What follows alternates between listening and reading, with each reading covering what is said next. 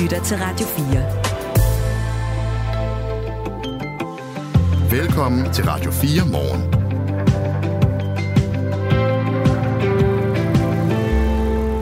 Danmark er lykkedes med at få indført nye EU-regler om at lægge pant på tyske dåser. Sådan indledes en pressemeddelelse fra Miljøministeriet. Men kommer der nu også tysk pant på dåserne ved grænsehandlen? Søren Munk er ansvarshavende chefredaktør på Flensborg Avis, og han er mere end i tvivl. Hør hvorfor, når vi taler med ham klokken 6.07. Julemarkederne i København har fået kritik for at være skrammel fra Kina og kommercielt. Men er det et generelt problem i Danmark, at julemarkederne indsat har med dansk jul at gøre? Kulturhistoriker og juleekspert Benno Blæsil har en forklaring på det kinesiske skrammel på julemarkederne. Skal vi tilbage til de gode gamle coronarestriktioner som håndsprit og albuehilsen, det mener biolog Allan Randrup Thomsen. Ham taler vi med, når klokken den bliver lidt over halv syv. For ifølge ham, så står vi nemlig lige nu midt i en øh, perfekt storm, hvor mange forskellige sygdomme her i blandt corona lige nu har ramt os så hårdt, at cirka 20 procent af befolkningen er ramt af sygdom. Jeg er også på arbejde, Claus. Ja, velkommen. tak, vi havde lige lidt problemer med computeren. Øh, og vi skal også tale om uh, airfryeren, fordi det er det helt store julegave hit i år. Og vi går tættere på den her uh, meget populære køkkenmaskine. Vi taler med en ekspert. Mildestalt. Dronningen af airfryeren. Britt Andersen hedder hun. Hun har skrevet flere kogebøger om, der ved alt om den her airfryer. Tænk så, man kan være dronning af en airfryer. Det kan man sagtens. Ja. Men det er altså det, som uh, rigtig mange af os kan forvente at få til jul i år.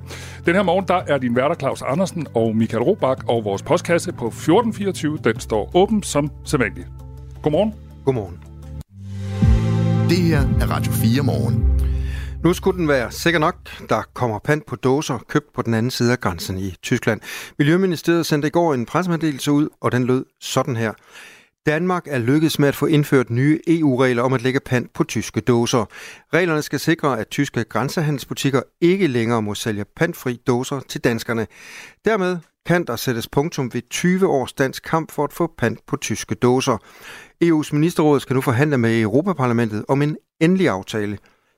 Men kommer der nu også pant på dåserne ved grænsehandlen? Søren Munk er ansvarshavende chefredaktør på Flensborg Vis. Godmorgen. Godmorgen. I har lavet en leder i jeres avis med overskriften Vi vil se dåsepanten, før vi tror det. Hvorfor vakler I, i jeres tro på, at øh, den nu også kommer? Ja, for det første fordi, at øh, tre gange tidligere har man forsøgt at ændre reglerne for dosepant, uden at det er lykkes. Øh, senest faldt der en dom ved EU-domstolen i september, øh, der også afviste, at man kunne øh, fjerne ordningen øh, for øh, fritagelse for dosepant. Øhm, baggrunden er jo øh, alvorlig nok. Øh, EU's miljøminister har kigget på øh, mængden af emballageomfald, øh, som stiger hurtigere, end vi kan øh, lave genanvendelse af affald. Og hvis der ikke bliver gjort noget, så vil vi være, have enorme mængder af øh, øh affald øh, fra emballage, især plastikaffald i 2030. Så baggrunden er sådan set alvorlig nok, og Danmarks Naturfredningsforening har konstateret øh, siden 2018, at mange tusind dåser ender i naturen. Øhm, når vi øh, sådan har udtrykker en mild skepsis, så er det jo fordi, at øh, det, som ministerne, øh, miljøministerne har aftalt, det er, at øh, der fra 2029 skal være en mulighed for at se på fælles europæiske regler for dåsepant. Først derefter kan man øh, begynde at implementere regler, så vi taler om, det er noget, der foregår langt frem i tiden. Så hvad er det største benspænd øh, lige nu, for at det rent faktisk kan blive en realitet? Jamen, der er flere. Øhm, for det første, så skal det jo nu øh, forhandles med EU-parlamentet, og EU-parlamentet er jo en sparet politisk størrelse, hvor rigtig mange ting kan lide skibbrud. Så alene det er jo en, øh, en stor hurdle. Øh, så er der jo, øh, der er der jo det øh, helt banale, at, øhm, at man kan ikke gennemføre regler i Tyskland øh, efter en aftale med forbundsregeringen, fordi sådan noget som en dåsepantordning er noget, som administreres af delstatsregeringen. I det her tilfælde øh, omkring dåsepantordning i den dansk-tyske grænse er det delstatsregeringen i Slesvig-Holsten, der har en suverænitets, øh, be, øh, hvad hedder det, bestemmer suverænitet over den slags anlæggende. Det er slet ikke noget, der ligger i forbundsregeringens regi. Men vores så miljøminister, kunne... ja, vores miljøminister øh, Heunicke har jo været ude og sige at, øh, til tyskerne, at nu skal de se at komme i gang. Er de ikke øh, lydhøre over for det? Jamen, det står faktisk i den tyske grundlov, at det er delstater, der suverænt afgør den slags ting her. Så i så fald vil øh, Tyskland skulle tage et opgør med sin egen grundlov. Det er også derfor, vi forudser, at det her for det første kommer det til at mange år at få gennemført. Det er også den vurdering, vi har fra, fra, branche, øh, fra branchen, øh, der regulerer og organiserer øh, grænsehandelsbutikkerne, at det her er nok en kende oversolgt af den danske miljøminister, at det kommer til at vare mange år, inden det får nogen som helst effekt. Vi skal også lige huske på, at øh, der er rigtig mange øh, det er en fælles europæisk øh, ordning, man vil gennemføre for hende igennem med EU-parlamentet. I rigtig mange lande eksisterer der ganske enkelt noget pansystem øh, Italien blandt andet, og øh, hvis man kunne forestille sig, at man skal til at indføre et pantsystem i Italien fra om, om 4-5 år, så er, man nok, så er man nok optimist. Det er derfor, vi tror, at det her det kommer til at vare en lang række år, før vi øh, faktisk ser en de facto afskaffelse af, eller indførelse af dåsepant på øh, tysk, øh, dansk-tysk grænsehandel. Jeg taler lige nu med Søren Munk, ansvarshavende chefredaktør på Flensborg Avis. Og Søren Munk, du taler om, at øh, Magnus Heunicke og Miljøministeriet oversælger øh, det her. Så hvad, hvilke tanker gør du der om, at øh, Miljøministeriet rent faktisk melder ud, øh, at den er god nok, at der er en aftale, hvis der er så mange forbehold? Ja, yes, øh, har det, vi har de tanker, at, øh, at øh, det er nok, vi nok er lidt på... Øh, på, jeg er enig med brancheforeningen, der vurderer det som øh, en, en julegave, som er oversolgt en lille smule, for når man siger, at det er nu, at det, det er nu, at der er skabt mulighed for, at det er korrekt, det er nu, der er skabt mulighed for den, men det er altså et, det er altså et long shot, vi taler om her. Øhm, det er en øh, mulighed for en forhandling med EU-parlamentet, der er fremlagt, og det kommer først til at få øh, effekt for om en lang række år, så de første mange år tror jeg ikke, man skal være særlig bekymret for at skulle betale ekstra for, for dåser og flasker købt i, øh, i tyske grænsehandelsbutikker. Nej, og øh, grænsebutikkerne skal måske heller ikke øh, ryste for meget i bukserne endnu. Danskerne de grænsehandler hvert år øl, vin, sodavand og andre dagligvarer for ca. 5,5 milliarder kroner. Det anslår en analyse fra konsulenthuset Boston Consulting Group, der har undersøgt en periode på 12 uger fra foråret 20, hvor grænsen mellem Danmark og Tyskland var lukket ned som følge af coronakrisen. Undersøgelsen var bestilt af blandt andre Coop og de samvirkende købmænd, øh, fordi grænselukningen gav en unik mulighed for at måle den faktiske størrelse af grænsehandlen. Grænsehandlen er altså en stor økonomisk faktor i grænselandet, så øh, Søren Munk, hvad kan det få af betydning for lokalsamfundet i Flensborg, hvis der kommer pand på dåserne? Jamen, der er ingen tvivl om, at, øh, at det er en milliardforretning i, øh, i grænseområdet. Øh, de, øh, de øh, tyskplacerede eller tyskbaserede grænsehandelsbutikker har mange tusinde ansatte, der omsættes for, som du selv nævner, mange milliarder om året. Øh, i en delstat som, øh, som Slesvig-Holsten er det, er det en hjørnesten i, øh, øh på, i erhvervslivet. Og øh, ingen har vel egentlig øh, nogen fornemmelse af konsekvenserne af, at øh, noget bliver, en dåse bliver op mod en kroner 90 dyrere. Men vi kan nok næsten godt forestille os, at det kan komme til at betyde temmelig meget for salg og indtjening for, for branchen. Tror du ligefrem, grænsehandel vil gå i stå, hvis det, hvis det sker?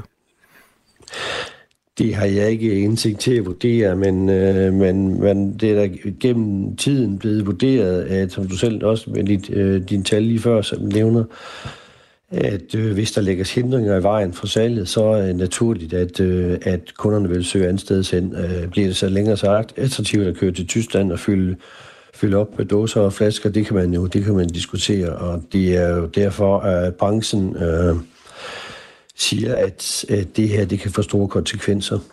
Nu er den her nyhed jo kun lige et, øh, et døgn gammel, men hvad siger de i, i nærmiljøet? Hvad er jeres, nu har jeg læst lidt øh, op fra jeres leder, men hvad er jeres øh, eller, artikler ellers i dag? Hvad går de ud på? Jamen, de handler i bund og grund om, at vi har primært talt med branchen og med grænsehandelsbutikkerne, som siger, at, som jeg tidligere har nævnt, at det her er noget, som vi måske kommer til at se om nogle år, men de øh, anstiller sig skeptisk over for, om det overhovedet bliver, kan, kan lykkes at finde, øh, eller finde ud af at lave fælles europæiske regler.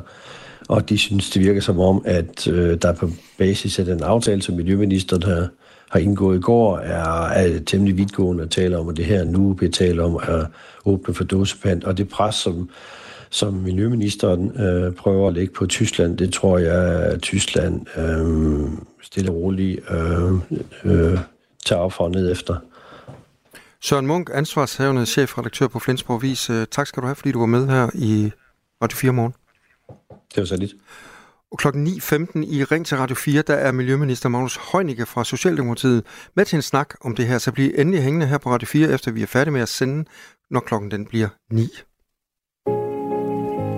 Det er min sidste måltid. Jeg skal dø lige om lidt. Hvordan skal jeg dø? Mange vidunderlige gæster har spist deres sidste måltid hos mig.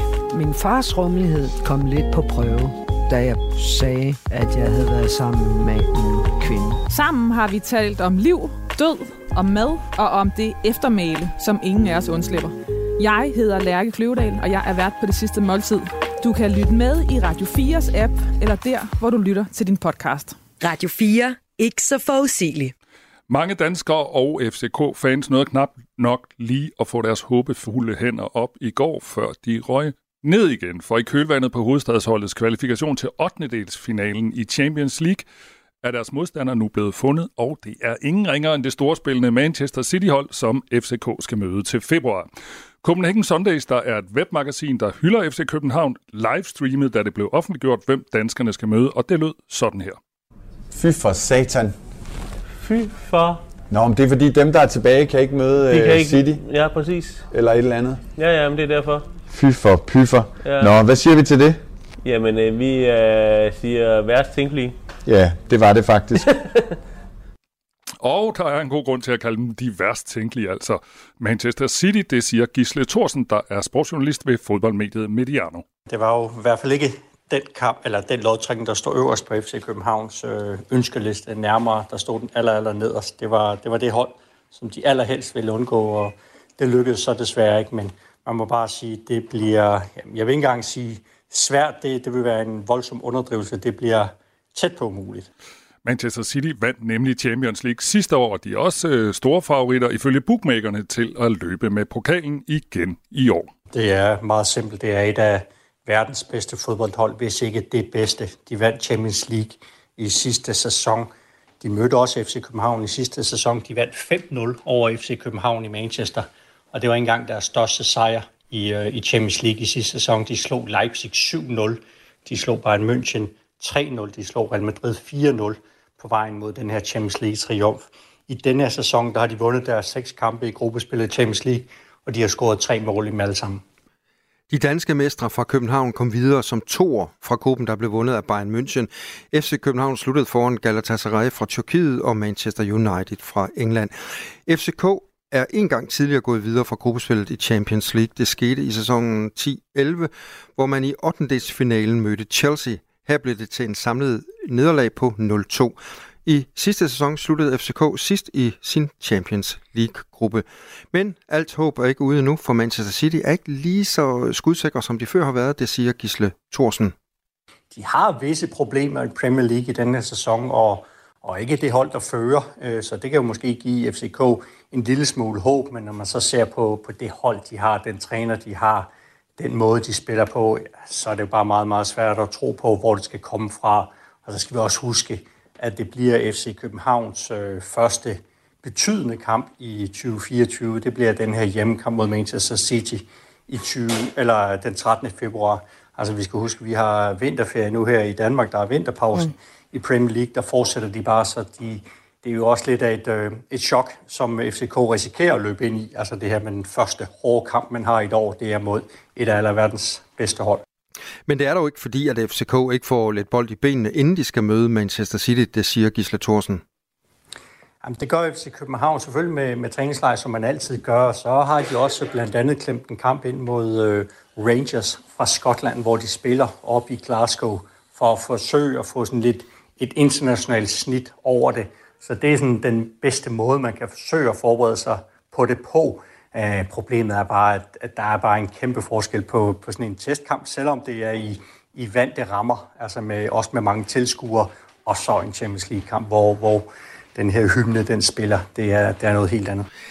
Og det bliver også en vaskeægte David mod Goliath-historie, hvis FC København går videre. Men man skal aldrig sige aldrig, og København har også en god historik mod Manchester Citys nuværende træner de mest optimistiske FCK-fans, de hæfter sig jo ved, at Pep Guardiola, Manchester City's dygtige, dygtige træner, han har været i øh, parken to gange med FC Barcelona første gang, og øh, med Manchester City i øh, sidste sæson.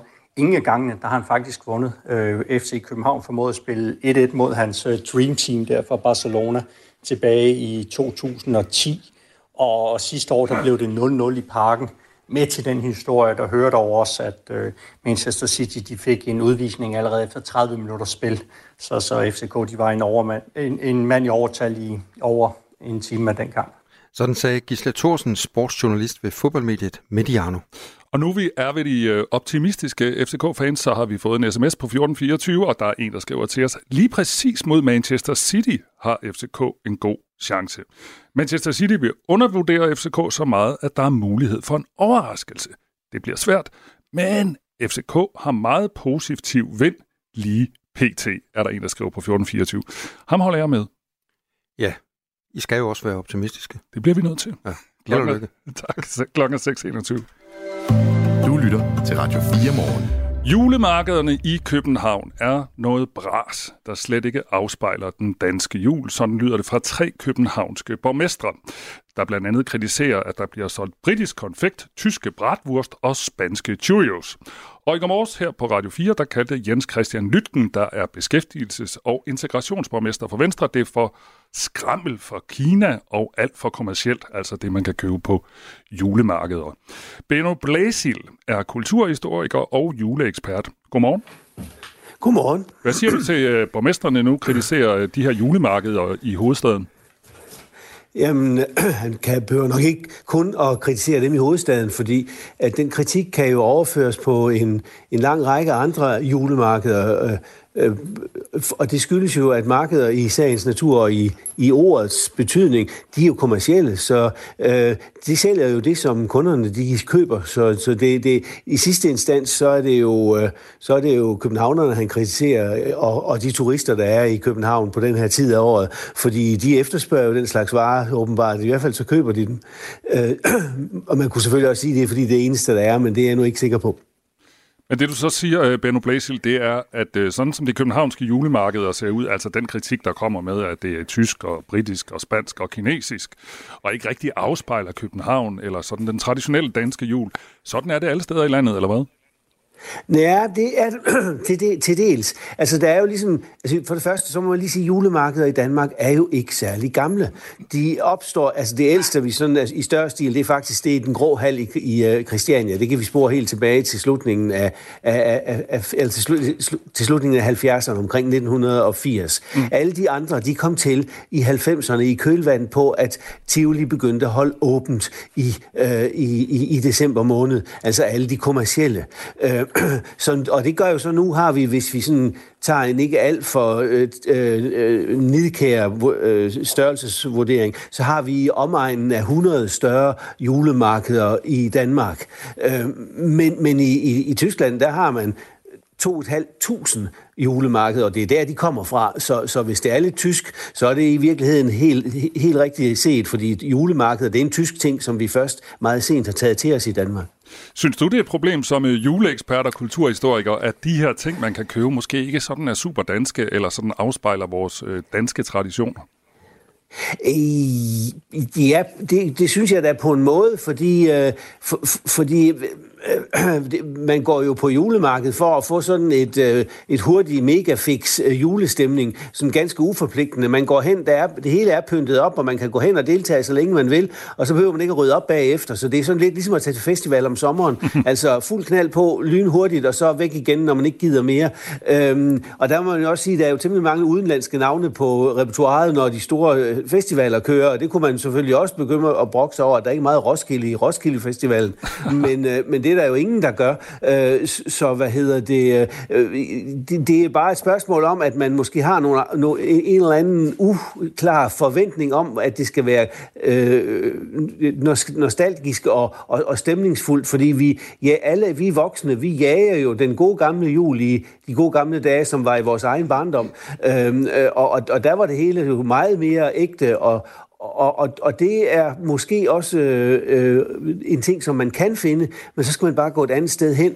Fordi ved siden af de der store kommercielle julemarkeder, som jo tit arrangeres af eventbyråer, som sørger for, at der er nogen på, på markederne, ved siden af det, så eksisterer der jo alle foreningsjulemarkederne. Museerne begyndte jo lige så tidligt, altså tilbage i 80'erne, og mange øh, større foreninger og, og, og, og sammenslutninger, meget ude i små provinsbyer på landet, de laver jo en anden form for julemarked. Og typisk for dem, det er jo, at de har kun åbent en eller to weekender, og der er der fyldt op med masser af boder, hvor folk selv har siddet hele sommeren og strikket øh, strømper og øh, af lækker uld og lavet nisser af, filtet, øh, øh, af, af filt og den slags ting. Så der er den originale, ægte, gammeldags julestemning fra den nostalgiske jul. Men, men, men det er jo ude i provinsen, og det er i mindre målestok. Og, og det er jo det, der er, også er, er, er det springende punkt her. Den slags julemarkeder, de er typisk åbne øh, fire til seks dage, øh, hvis det går rigtig højt i løbet af sæsonen. Et rigtig tysk julemarked, eller østrisk, fordi det var østrigerne, der startede omkring 1200-tallet, det var jo fire til seks uger, og det gør de fleste tyske julemarkeder også i dag. Vi taler med Benno øh, Blæsil, der er kultur, kulturhistoriker og juleekspert, og det gør vi, fordi øh, de københavnske borgmester de kritiserer byens øh, julemarkeder. Benno Blæsil, øh, nu taler du selv om øh, de østriske og tyske julemarkeder, som er flere hundrede år gamle.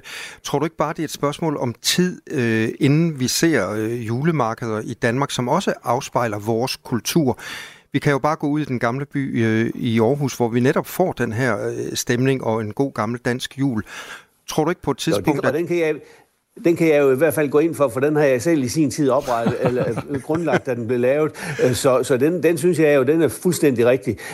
Men, men hvad hedder det? Det er jo, en, det er jo også et, et, en... Altså, det er jo et museum. Altså, vi, det er jo et oplevelsesmuseum. Den gamle by er en tidsrejse, og lige præcis med, jule, med julemarkedet, der er det sådan set til en tidsrejse til en fortid, som aldrig helt har eksisteret. Fordi det, var, det, det man i den gamle by laver, det er i virkeligheden en almindelig torvedag i december måned. Fordi i Danmark har vi jo haft en anden tradition. Fordi vi som det eneste land i verden har den ordning, at bønderne to dage om ugen, nemlig onsdag og lørdag, måtte få lov til at komme ind i købstaden med deres kram og i øvrigt købe for de penge, de måtte have. Øh, det har man ikke haft i resten af verden. Der har øh, torvedagene typisk været omkring højtiderne i de store byer, og derfor så er det meget naturligt, at, at, at, at der kom særlig store øh, messer i, til, til den allerstørste øh, øh, fest, der overhovedet beholdt i løbet af året, nemlig julefesten. Der, der kom der ekstra store markeder. Okay, Benno Blæsel, ja, ja. så blev du lige tændt af, af ordet øh, den gamle by. Men spørgsmålet gik på, tror du ikke bare, det er et spørgsmål om tid, inden vi ser, at de her julemarkeder, som bliver kritiseret nu, også kommer til at afspejle den danske kultur? Øhm, jamen, øh, så, så vil jeg egentlig bare lige øh, ret fokus over på, på forretningslivet. For hvis du går ind og kigger på, øh, på, på de butikker, der er i strøg, på strøget og i det indre by i København eller i Aarhus for den sags skyld, hvor meget øh, ægte, særlig og genuint lokal er der egentlig der? Det bliver jo mere og mere internationale øh, butikskæder og internationale varer, der, der, der udbydes. Så jeg tror snarere, at vi vil se, at det danske særtræk, det vil i, i, i fremtiden, der vil det på det område blive mere og mere udvisket til fordel for en europæisk midtnormal.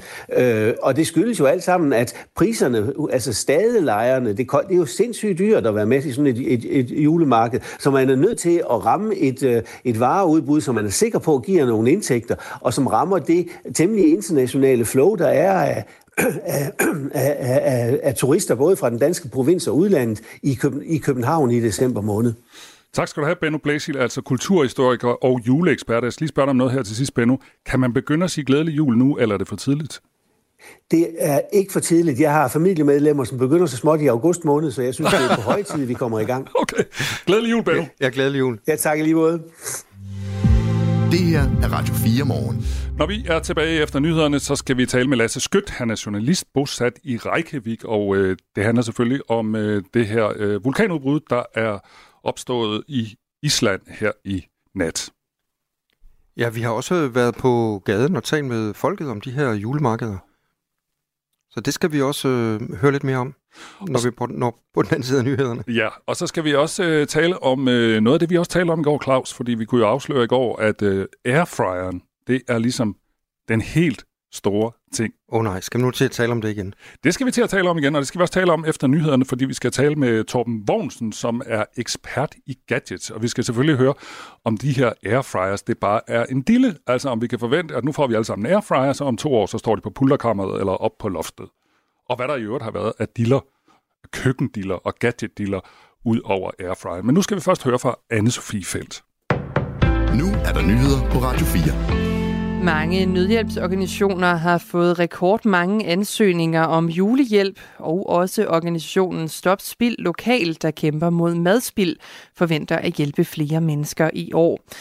Organisationen giver overskudsmad fra supermarkederne til trængte familier. Stifter og direktør i Stop Spild Lokalt, Rasmus Eriksen, fortæller, at han forventer, at flere vil bede om hjælp til julemaden i år.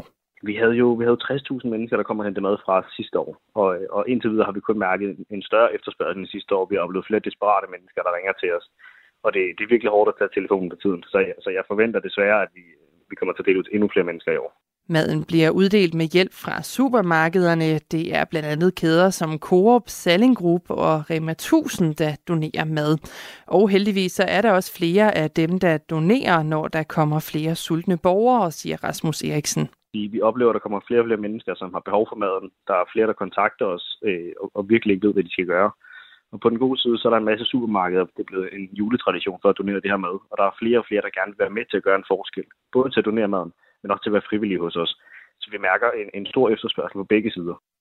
I år der deler Stop Spild lokalt mad ud mere end 65 steder i Danmark. En vulkan på Island er nu gået i udbrud, det melder Islands Meteorologiske Institut ifølge det islandske medie RUF om. Det var ventet, at vulkanen ville gå i udbrud på grund af forhøjet seismisk aktivitet, og man forventede et stort udbrud. Derfor så blev beboerne i den nærliggende by Grindavik evakueret allerede den 11. november. Christian Jonstort som er direktør for Islands Meteorologiske Institut siger, at udbruddet startede omkring kl. 22.20, og at der er risiko for, at lavaen flyder i retning af Grindavik. Indtil videre så ser det dog ikke ud til, at lavaen flyder i den retning. Live video fra RUF viser, at lavaen sprøjter op af en 4 km lang sprække. Regeringen, Liberal Alliance, det konservative Folkeparti og Dansk Folkeparti er enige om en ny SU-reform, som sløjfer det 6. SU-år. Det skrev Uddannelses- og Forskningsministeriet i en pressemeddelelse sent i går aftes. Jeg er meget tilfreds med, at regeringen og Liberal Alliance, det konservative Folkeparti og Dansk Folkeparti er blevet enige om, at SU til normeret tid er rimeligt, siger Uddannelses- og Forskningsminister Christina Elund i pressemeddelelsen. De radikales uddannelsesordfører Katrine Ropsø er dog mindre positiv. Jeg synes, det er enormt ærgerligt, at regeringen opsiger SU-forlidet og sender et signal til alle Danmarks unge, at de skal vælge rigtigt første gang, de vælger uddannelse, for ellers så kan de se frem til SU-gæld. Det 6. SU-år er typisk blevet brugt af studerende, der netop skifter studie og derfor allerede har brugt noget af deres tid med SU. Mm. USA står i spidsen for et nyt militærsamarbejde i det Røde Hav, som skal patruljere havet for at beskytte den internationale skibsfart fra angreb. Det oplyser USA's forsvarsminister Lloyd Austin ifølge nyhedsbyrået Reuters. Samarbejdet er blevet etableret efter angreb fra Houthi-styrker i Yemen. Forsvarsminister Troels Lund Poulsen siger ifølge Reuters, at Danmark vil deltage i at hjælpe med sikkerheden, men uddyber ikke hvordan. Et dansk skib fra Mærsk var i torsdags mål for et missil, der dog aldrig slog ned. Det bliver skyet, og i løbet af formiddagen kommer der regn eller byer mange steder. I Nordjylland holder det dog tørt, og der kommer stedvis lidt sol. Temperaturer mellem 5 og 8 grader. Det er nyhederne her på Radio 4 i studiet Anne Sofie Feldt. Du lytter til Radio 4. Velkommen til Radio 4 morgen. Husk, at du kan sende os en sms på 1424. Og så spoler vi tiden tilbage til en tid, som mange af os nok lykkelig har glemt. Tilbage til den tid, hvor lugten af håndsprit ikke var til at undslippe, og vi hilste på hinanden med albuen, bare for at nævne et par af de forbehold, coronaepidemien bød på. For selvom vi selvfølgelig ikke skal male fanden på væggen og sige, at vi er tilbage ved coronatilstanden, så bliver danskerne lige nu ramt af sygdom i så stor grad, at øh, Jens Lundgren, professor i infektionssygdomme ved Rigshospitalet, vurderer over for TV2, at 20-30% af befolkningen lige nu ligger syge. Og det er blandt andet corona, der lige nu rammer danskerne i stor grad, men også andre sygdomme som RS-virus, kihoste og kold lungebetændelse. Og det har fået Allan Randrup Thomsen, der er professor i øh, eksperimentel virologi ved Københavns Universitet, til at opfordre til smitteforebyggende restriktioner. Godmorgen. Godmorgen. Allan Randrup Thomsen, står vi i en situation lige nu, hvor albuhilsen igen skal være en, øh, sådan en lidt akavet del af hverdagen? Altså, ja, det vil sige, at altså, jeg opfordrer ikke til restriktioner som sådan, men jeg opfordrer til, at man øh, vender tilbage til de gode hygiejniske vaner, vi havde under øh, corona, øh, for dermed at tage toppen af den øh, udvikling, vi ser i øjeblikket. Og hvad er det for øh, hygiejniske, øh, hygiejniske restriktioner eller anbefalinger, du kommer med? Ja, Jamen det er først og fremmest, at vi øh, øh, opfører os øh, fornuftigt, når det gælder øh, at bevæge sig rundt i, øh, i samfundet. Altså det vil sige, hvis man øh, har, har klare tegn på sygdom, så bliver man hjemme.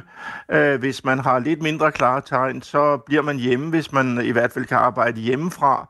Øh, at vi har god håndhygiejne, at vi øh, hilser med albuen, som, øh, som øh, du selv nævnte, øh, og at når vi hoster, så hoster vi ned i ærmet og ikke øh, ned i hænderne. Øh, og i øvrigt i det hele taget, øh, Øh, tænker os om, når vi kommer tæt på, på fremmede mennesker, øh, om vi øh, selv har øh, nogle symptomer, der gør, at vi er smitsomme, eller vi kan øh, se, at de har nogle symptomer, og på den måde holder lidt afstand mellem os, når vi bevæger os rundt i samfundet, som jo i øvrigt øh, er en periode her ved jul, hvor vi netop er tæt på hinanden. Statens Serum Instituts øh, spildevandsovervågning viser, at smitten af corona er kraftigt stigende med over 10.000 tilfælde i den seneste ugentlige opgørelse fra 13. december. Coronasmitten er nu på niveau med februar 22, hvor omikron-varianten var i udbrud. Jens Lundgren, professor i infektionssygdomme ved Rigshospitalet, vurderer altså over for TV2, at 20-30% af befolkningen lige nu ligger syge. Og øh, jeg taler med øh, Allan Randrup Thomsen, professor i eksperimentel virologi. Og Allan, hvad er det, der gør, at øh, det står så slemt til lige nu? Jamen altså, det kan man ikke sige konkret. Altså, vi har jo hele tiden forventet, at øh, der ville komme et øh, tilbageslag med øh, corona, øh, når vinteren øh, øh, tog til. Øh, det er sådan, at de her, alle de her øh, luftvejssygdomme, som du nævnte, de øh, spredes jo øh, under særligt gode omstændigheder, når vi er mange mennesker samlet indendørs, og, og selvfølgelig også i, i offentlig transport, når man står tæt der, og så videre. Øh, og øh, derfor havde vi forventet, at der ville ske en stigning hen mod vinteren. Men øh, man kan sige, at det, der måske er lidt overraskende, det er, at alle fem sygdomme ser ud til at, øh, toppe øh, mere eller mindre på samme tid. Altså man kan nærmest tale om den perfekte storm, øh, fordi det er ikke noget, som jeg i hvert fald kan huske, vi har set tidligere. Og selvfølgelig er corona en ny kommer på, på listen. Så det er en usædvanlig situation, vi står i lige nu? Og det vil jeg mene. Jeg, jeg, jeg kan godt huske svære øh, influenza-vintersæsoner øh, fra tidligere, men, men, men vi ligger meget højt i, i tallene, hvis man kigger på, går tilbage i historien, om man så må sige, og kigger på, hvordan tallene ligger. Problemet er, øh, når jeg siger det, er, at vi ikke har så præcise målinger på, hvor stor smitten er, øh, som vi havde omkring corona, da vi tidligere testede ret meget. Så det er sådan lidt øh, med, med fornemmelse, men øh, som det også blev nævnt i, i tidligere indslaget, så, så frem, vi vurderer på spildevandstandene, som øh, er den bedste markør, vi har i øjeblikket for sygdomsaktiviteten, jamen så er der meget, der tyder på, at vi har et meget højt udbrud, i hvert fald af, af corona, og også når vi ser på øh, hvor mange der bliver diagnostiseret med de andre sygdomme, så ser det ud som om, det ligger meget højt i forhold til øh, tilsvarende tal øh, tidligere.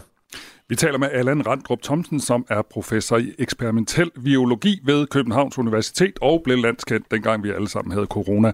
Allan, du har fået en, øh, en sms på vores øh, 1424, der er en, der skriver, Allan, er der sket noget med danskernes immunforsvar? For eksempel kunne det være D-vitaminmangel. Hvad siger du til det?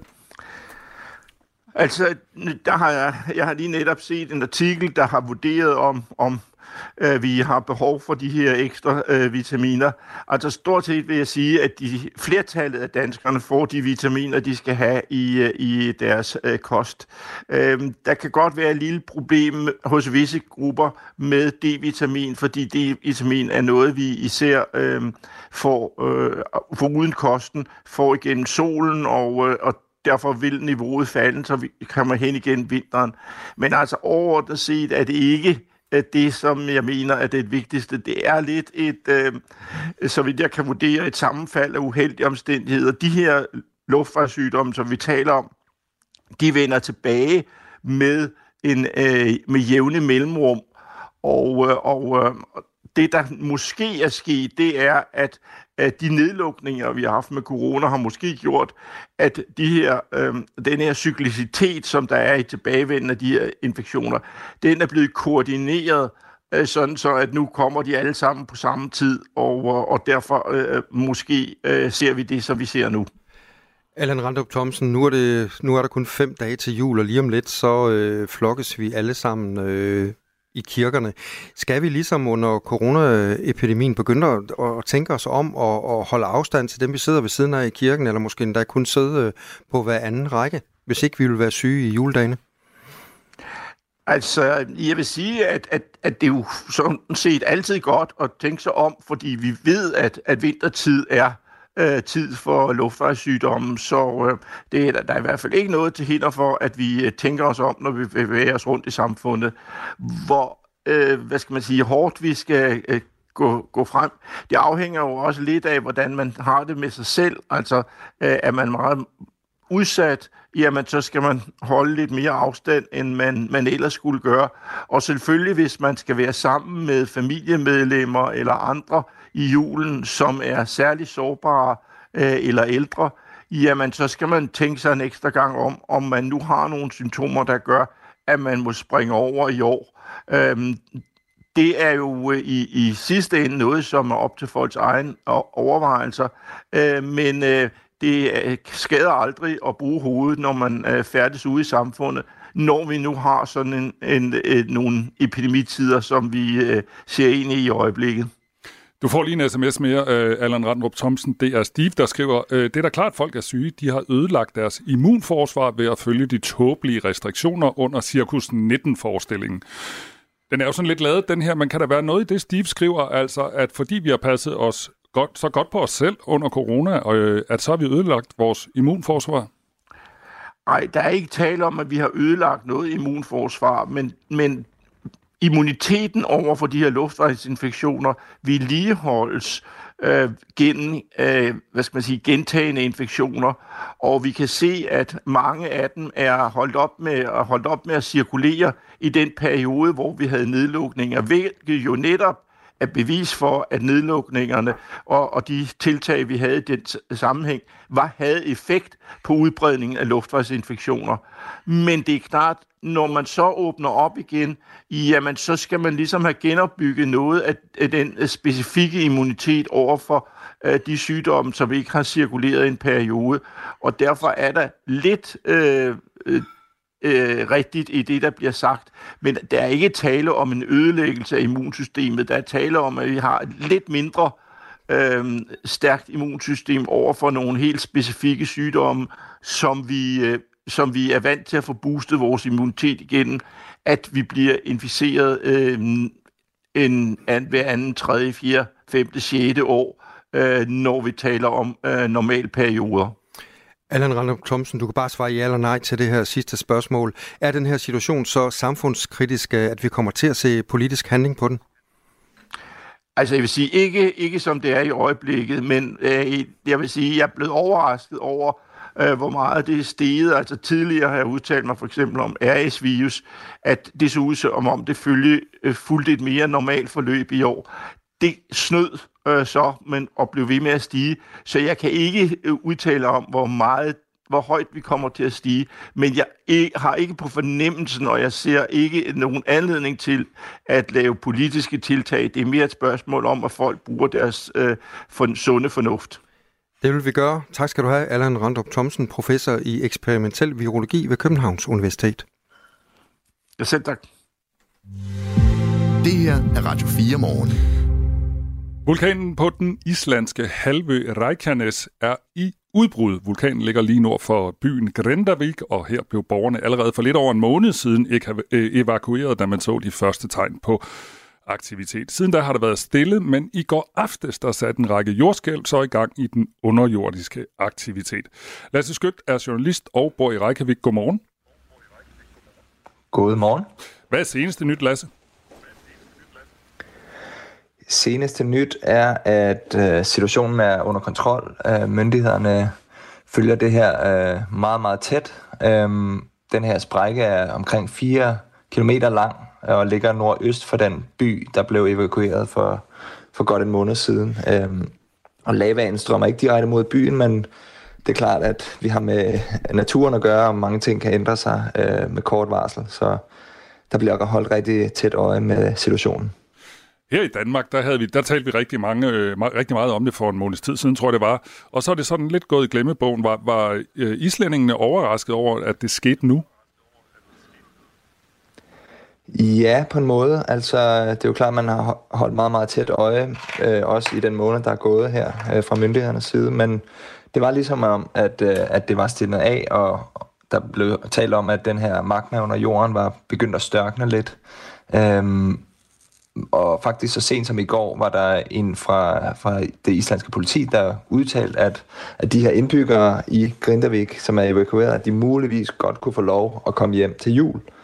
Og så går der nogle få timer, og, øh, og så øh, åbner den her sprække sig og spyder lava op i 150 meters højde. Øhm, så det er, det er i hvert fald ikke en mulighed for de indbyggere nu at, at klare, en, klare den, kan man sige, en overraskelse at, at det skete øhm, lige pludselig med, med så kort varsel. Så det vil sige, borgerne, beboerne i Grindavik, de kan altså ikke komme hjem til jul. Det er der ikke nogen forhåbning om længere.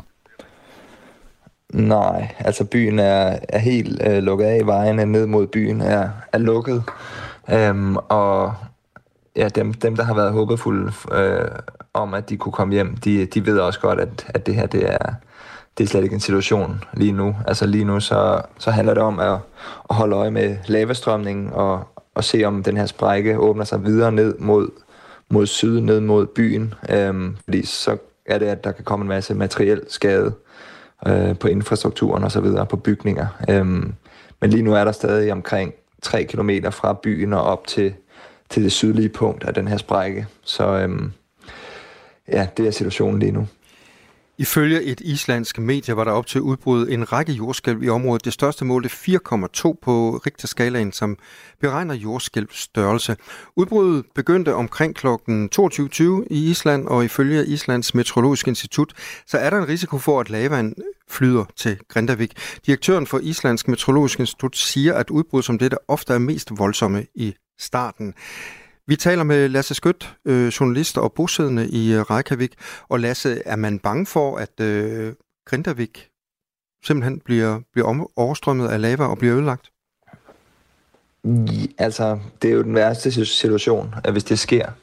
Øhm, I nærheden af Grindavik ligger også øh, et stort geotermisk anlæg, som forsyner hele den her halvø med elektricitet. Øh, på halvøen ligger også den store internationale lufthavn. Øh, men det her det er det er stadig med afstanden langt væk fra, fra vulkanen. Øhm, så lige nu så med hensyn til, til Grindavik, så er det selvfølgelig det værste scenario, hvis, øh, hvis sprækken åbner sig ned igennem byen og, og udsletter den her øh, lille fiskerby. Øhm, men ja, det er, det er det værste scenarie. Hvad siger myndighederne i Island lige nu omkring den her situation omkring Grindavik? Jamen altså, som sagt, så er vejene dernede lukket, så der er ikke nogen mennesker, der, der kommer den vej. Øhm, det, der sker lige nu, er, at, at når der kommer sådan en vulkanudbrud, så er der ofte nogle, øh, nogle øh, giftige gasser, der strømmer op også, og afhængig af vindretningen, så kan, øh, så kan de blæse mod øh, nogle af de andre mindre byer, som er i nærheden. Øh, så det holder man også øje med, og og, øh, og der kan opstå en situation, hvor man, hvor man skal blive indendørs og ikke, ikke, øh, i hvert fald slet ikke skal nærme sig den her øh, vulkan. Det er klart, det er meget, meget flot syn. Jeg har selv stået og kigget ud fra min balkon og kan se, øh, kunne se i nat, kunne jeg se den orange himmel. Øh, og, og det er jo ja, virkelig et særsyn, men øh, myndighederne siger, øh, at man, man skal holde sig i god afstand og ikke begynde at, at tage ned mod vulkanudbruddet. Det lyder som om, at øh, myndighederne i Island øh, siger sådan lidt ro på. Hvordan reagerer islændingene på det her? Øh, er de rolige omkring det? Islændingene er meget rolige. Øhm, Island er jo en vulkanø, og øh, i de seneste tre år har der været mindre vulkaner i samme område. Øhm, man har, øh, jeg tror ikke, der findes et land med flere geologer per indbygger end Island. Øhm, man har myndigheder, som hele tiden holder befolkningen godt opdateret. Øhm, så det er ikke noget, den, den almindelige islænding frygter for. Det er klart, at hvis nu at vulkanen øh, bevæger sig ned, sprækken bevæger sig ned igennem Grindavik og, og, og i andre retninger af lavaen øh, strømmer, så, så er det klart, at hvis det får indflydelse på, på, øh, på det, på, på byer og veje og, og sådan, så, øh, så er det noget, man, det er noget, man håber slet ikke vil ske. Øh, men, øh, men ellers så føler man sig for det meste tryg ved, at, at myndighederne gør øh, alt, hvad de kan for at have kon- kontrol over situationen. I 2010 der var der et vulkanudbrud, som var skyld i flere end 100.000 øh, flyafgange, der blev aflyst verden over på grund af den her askesky. Er det overhovedet en risiko med det her? Det er ikke umiddelbart en risiko, nej. Øhm, dengang så, så sprøjter vulkanen op under en gletsjer, som var det, der skabte den her askesky. Øhm, hvis det skulle have sket den her gang i, i, uh, i den nuværende situation, så skulle vulkanudbruddet have sket under vandet. Øh, det er ikke tilfældet. Øhm, så der er ikke øh, risiko for sådan en askesky. Øh, nu fik jeg nævnt, at, at lufthavnen, den store internationale lufthavn, ligger øh, ret kort afstand fra vulkanudbruddet, øhm, men alligevel i en, i en afstand, som er sikker, at det, det bevæger sig ikke den vej. Øhm, men øh, de, øh, der har været nogle få øh, meldinger om, om flyforsinkelser, men ikke, ikke, øh, ikke øh, mærkbart. Øhm, så dem, der ankommer med fly i de kommende timer og dage og uger måske, øh, de kan i hvert fald få det her særsyn og se, øh, når de lander i, øh, i lufthavnen i Island her. Sådan sagde Lasse Skødt, som er journalist, der bor i Reykjavik. Tak fordi du var med i Radio 4 morgen. Selv tak. Det her er Radio 4 morgen. Har du en airfryer? Hvis ikke, så er der stor sandsynlighed, at du får en til jul i år, for ifølge Coop, så er det årets mest købte julegave på Coop.dk og i Kvickly. Og hos Price Runner, der er en prissammenligningstjeneste, der er airfryeren års, årets mest søgte ord. Torben Vognsen, han er chefredaktør på magasinet Input. Godmorgen. Godmorgen. Du ved en hel masse om forbrugerstof, gadgets og trends. Øh, hvorfor er den her airfryer lige pludselig blevet sådan et kæmpe hit? Ja, ja, det er faktisk et godt spørgsmål. Altså, det er jo det, tak. der sker en gang imellem. det er jo det, der sker en gang imellem. Så, øh, så er der et eller andet produkt, der lige får en eller anden... Øh, der, der går mod i det, og så, øh, og så galopperer det ellers bare derud af. Øh, det er jo sket nogle gange hen over årene. Øh, jeg tror, de fleste kan huske måske en, øh, en raclette fra 90'erne, eller eller øh, hotdog-maskinen, øh, som var ret fantastisk, som kom for en tre år siden, eller sådan noget. Ikke? Altså, der, der er sådan nogle ting der, der går, der går lidt amok. Og så, øh, og så er det jo også et, et, et, et, en, en følge af, at markedsføringen er blevet god. Altså, markedsføringen virker rundt omkring, ikke? Og så er der nogen, der har besluttet, at det her det skal være det nye sort, og så kører det bare ud af.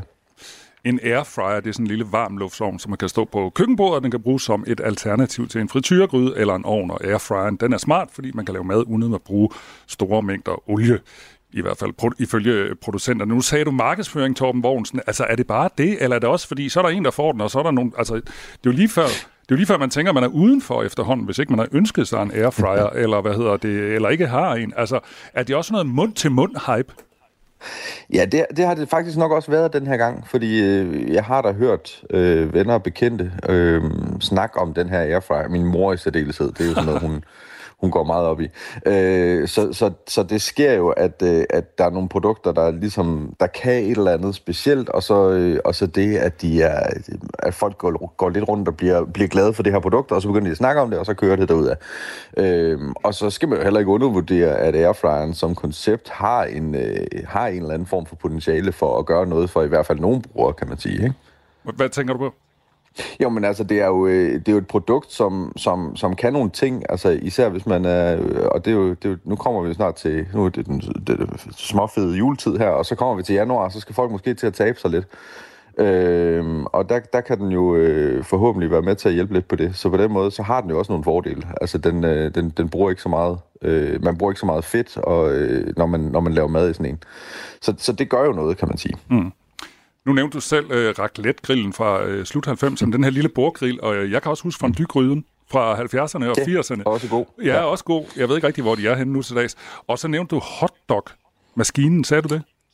Ja, hotdog-maskinen. Hvad Fantastisk apparat. Hvad, hvad, hvad er der sket med alle de her ting? Altså, står de i køkkenskabene og bliver brugt, eller står ja. de på lossepladsen? Nej, de står ikke i køkkenskabene og bliver brugt. De står bare i køkkenskabene, tror jeg. Øh, altså, de, de, er, de er ude igen jo. Altså, det, og det er jo det, der tit sker. Det er, at sådan noget her, det er en modeting, og den kommer, og så alle folk skal have sådan en, og så får de en, og så bruger de den måske en to-tre gange, og så står den et eller andet sted, eller også ja, så dukker den op under en oprydning i køkkenskabene om et par år, og så siger folk, nå, den må vi nok bare hellere smide ud, ikke?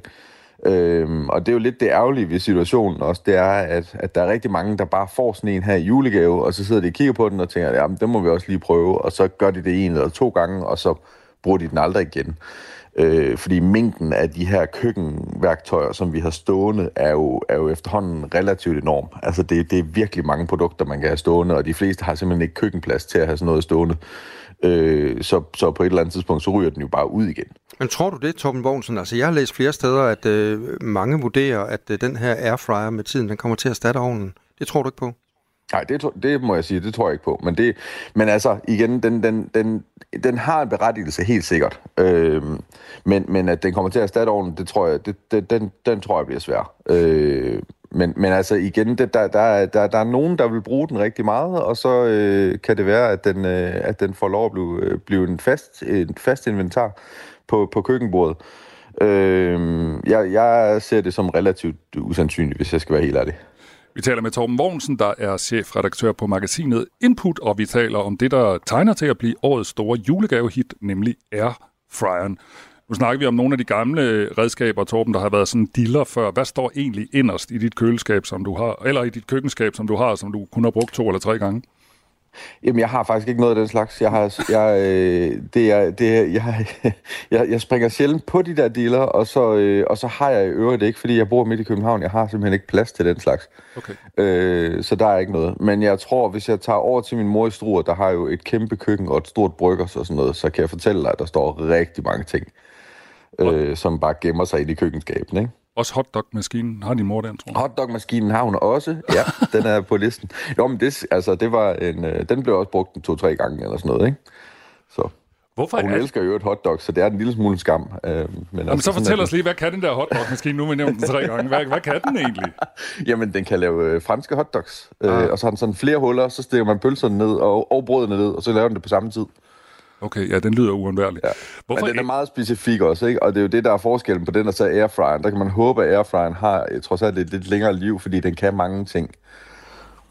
Hvorfor ender det egentlig tit med, at det er køkkenredskaber, som sådan bliver julegavehits?